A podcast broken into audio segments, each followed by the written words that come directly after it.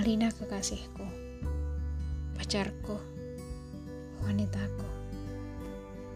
Kamu pasti sudah tahu apa yang akan terjadi kemudian.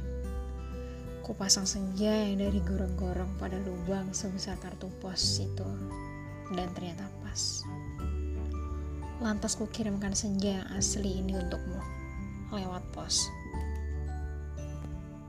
Aku ingin mendapatkan apa yang kulihat pertama kali. Senja dalam arti yang sebenarnya, bukan semacam senja yang ada di gorong-gorong itu. Kini gorong-gorong itu betul-betul menjadi gelap, Alina. Pada masa yang akan datang, orang-orang tua akan bercerita pada cucu-cucunya tentang kenapa gorong-gorong menjadi gelap. Mereka akan berkisah bahwa sebenarnya ada alam lain di bawah gorong-gorong dengan matahari dan rembulannya sendiri. Namun semua itu tiada lagi karena seseorang telah mengambil senja untuk menggantikan senja lain di atas bumi. Orang-orang tua itu juga akan bercerita bahwa senja yang asli telah dipotong dan diberikan oleh seseorang kepada pacarnya. Alina yang manis. Paling manis dan akan selalu manis. Terimalah sepotong senja itu hanya untukmu. Dan seseorang ingin membahagiakanmu. Awas. Hati-hati dengan lautan dan matahari itu. Salah-salah cahayanya membakar langit dan kalau tumpah, airnya bisa membanjiri permukaan bumi. Dengan ini kukirimkan pula kerinduanku padamu. Dengan cium, peluk, dan bisikan terhangat dari sebuah tempat yang paling sunyi di dunia. Senogumi Raji Dharma 1990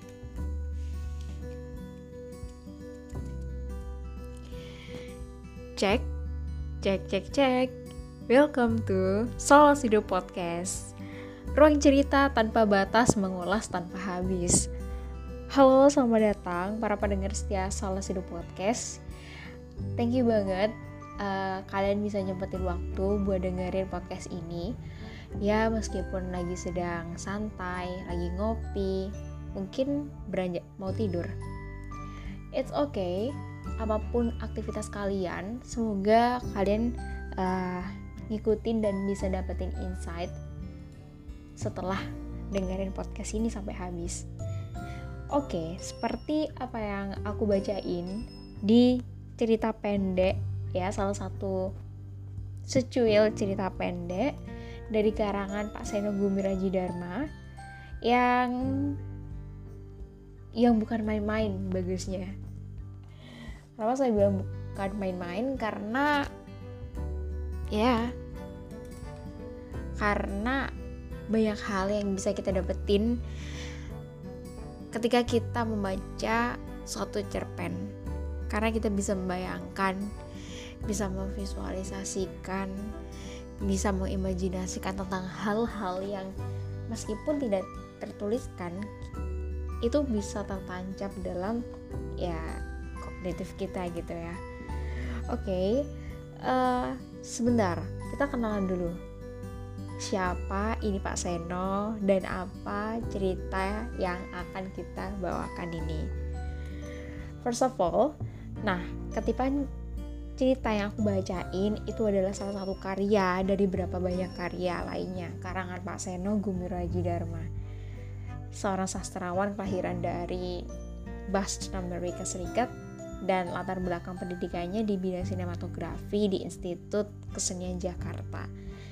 Jadi gak heran lagi pribadi Pak Seno semakin kental dengan nuansa sastra. Judulnya untuk kali ini adalah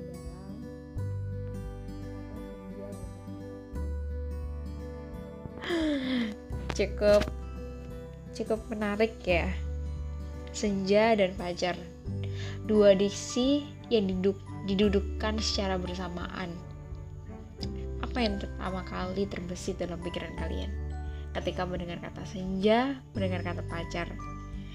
Oke, okay, kalian bisa jawab sendiri-sendiri dalam lubuk hati kalian.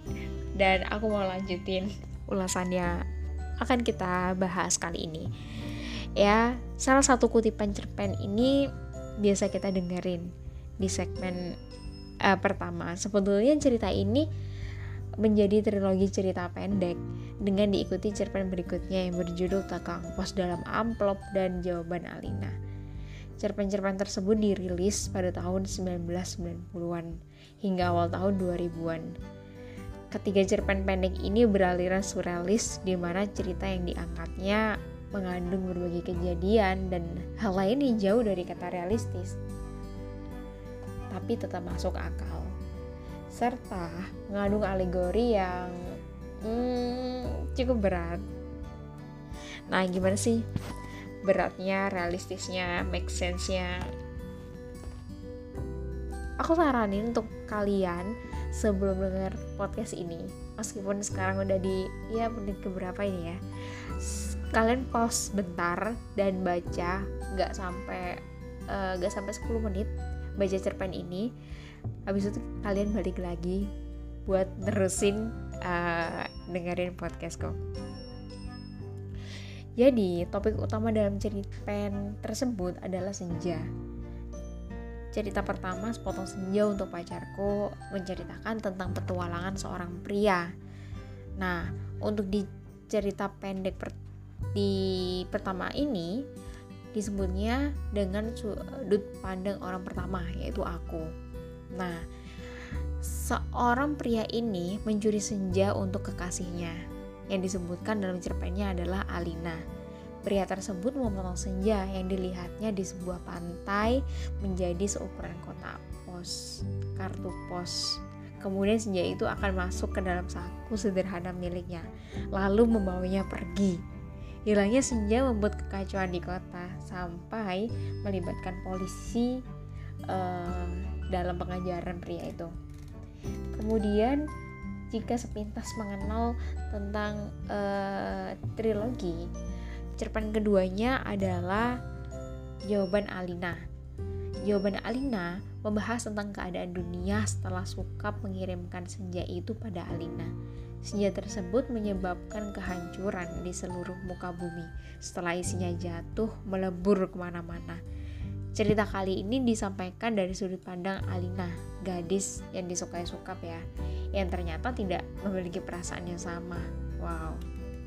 Dan yang ketiga adalah cerita pendek yang berjudul Tukang Pos dalam Amplop, menceritakan tentang perjalanan seorang tukang pos yang mendapati amanat untuk mengantarkan amplop berisi senja yang beralamat Alina ujung dunia.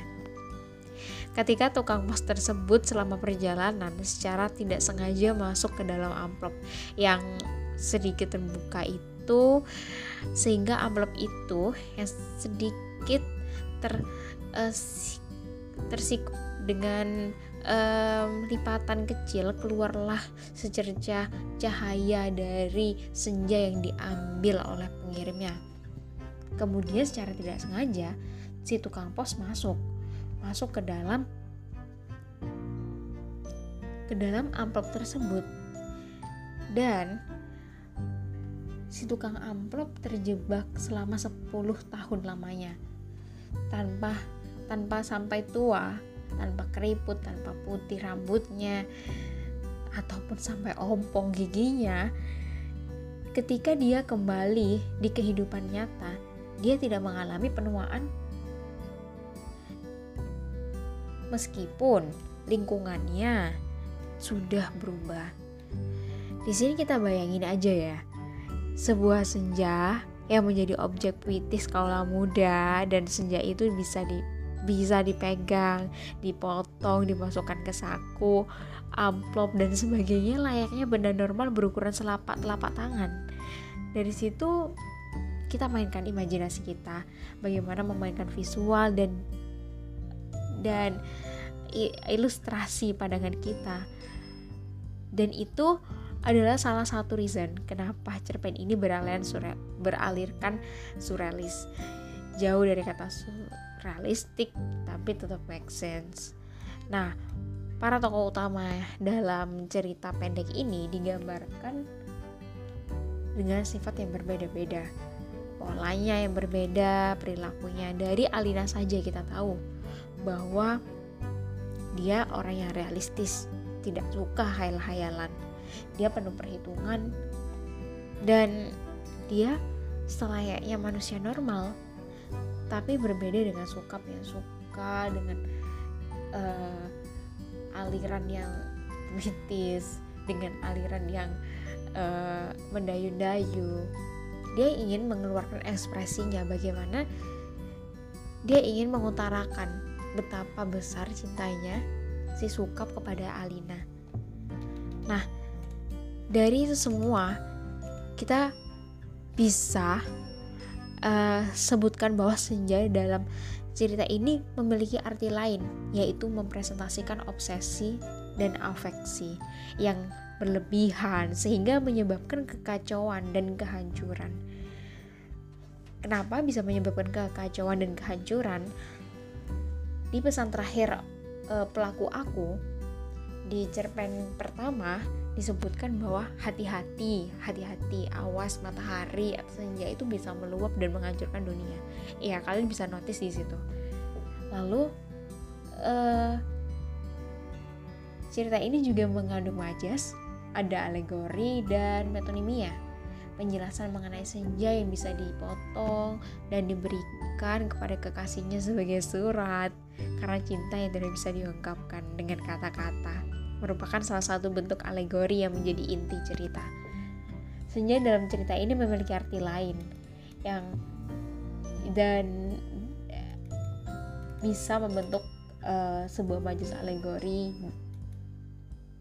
yang mana terdapat dalam tukang pos dalam amplop ya itu uh, mungkin kita bisa ulas di lain waktu ya fokus pada uh, cerpen pertama ini kita membahas tentang tema besarnya yaitu obsesi cinta lalu di sisi lain kita bisa mengambil dari sudut pandang uh, isu sosial kita bisa notice bagaimana kehidupan kota di situ disebutkan bahwa orang-orang kota tidak akan peduli dengan senja.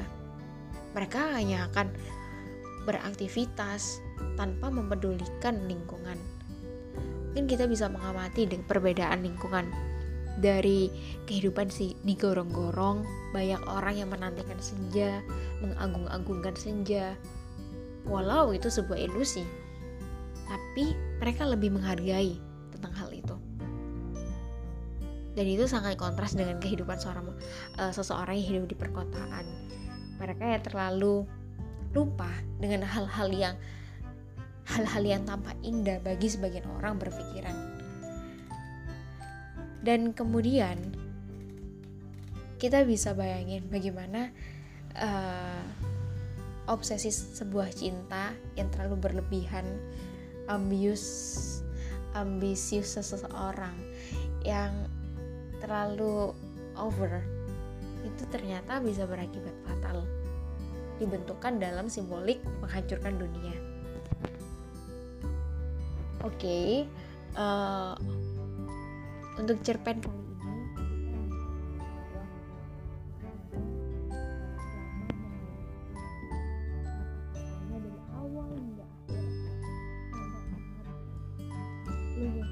dan semuanya mengalir dengan sebegitu uh, runtutnya. Dan itu membuat pembaca merasakan bagaimana suasana dibawakan ketika Pak Seno menuliskan cerita ini.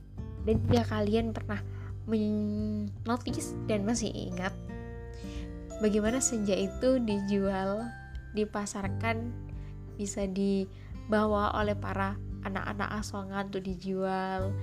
Selayaknya bisa diproduksi seperti barang. Senja senja senja seribu tiga. Itu ya dan itu adalah salah satu yang benar-benar buat pecah pecah dan gak bisa ditebak. Tapi dari situ kita tahu bahwa sebetulnya ketika Pak Seno menuliskan cerita pendek ini beliau dalam keadaan sedang humor. Ya kita bisa lihat bagaimana senja itu dijual gitu ya. Oke okay, dan untuk closingnya aku mau ngasih range score dari 1 sampai 10 aku kasih 9 keren keren sekali. Karena ya seorang penulisnya gak ada keraguan. Kemudian untuk summary aku mau kasih aku mau kasih uh, closing bagaimana keseluruhan karya Pak Seno Gumiraji Dharma epic sangat sangat epic keren Nah, begitu terpapar dengan lembut setiap bait sastra yang dibuat, membuat banyak rasa pukau ketika mengamati lebih dalam. Sastra mengajarkan sebuah luapan opini seseorang dengan mengambil objek sekitar menjadi suatu hal yang benar, menakjubkan di luar nalar. Serta dengan sebuah ulasan yang dibuat memberikan kuasa tinggi bagi kita untuk dapat menuliskan setiap persepsi yang ingin kita tuang seluruhnya. Oke, okay, thanks banget buat kalian masih bertahan uh, dengerin podcast hingga di duri, uh, sampai di durasi menit ini. Thanks banget. Semoga kalian bisa dapetin keseluruhan insightnya. Keep stay tune buat next episode. Saya Agustin. Bye bye.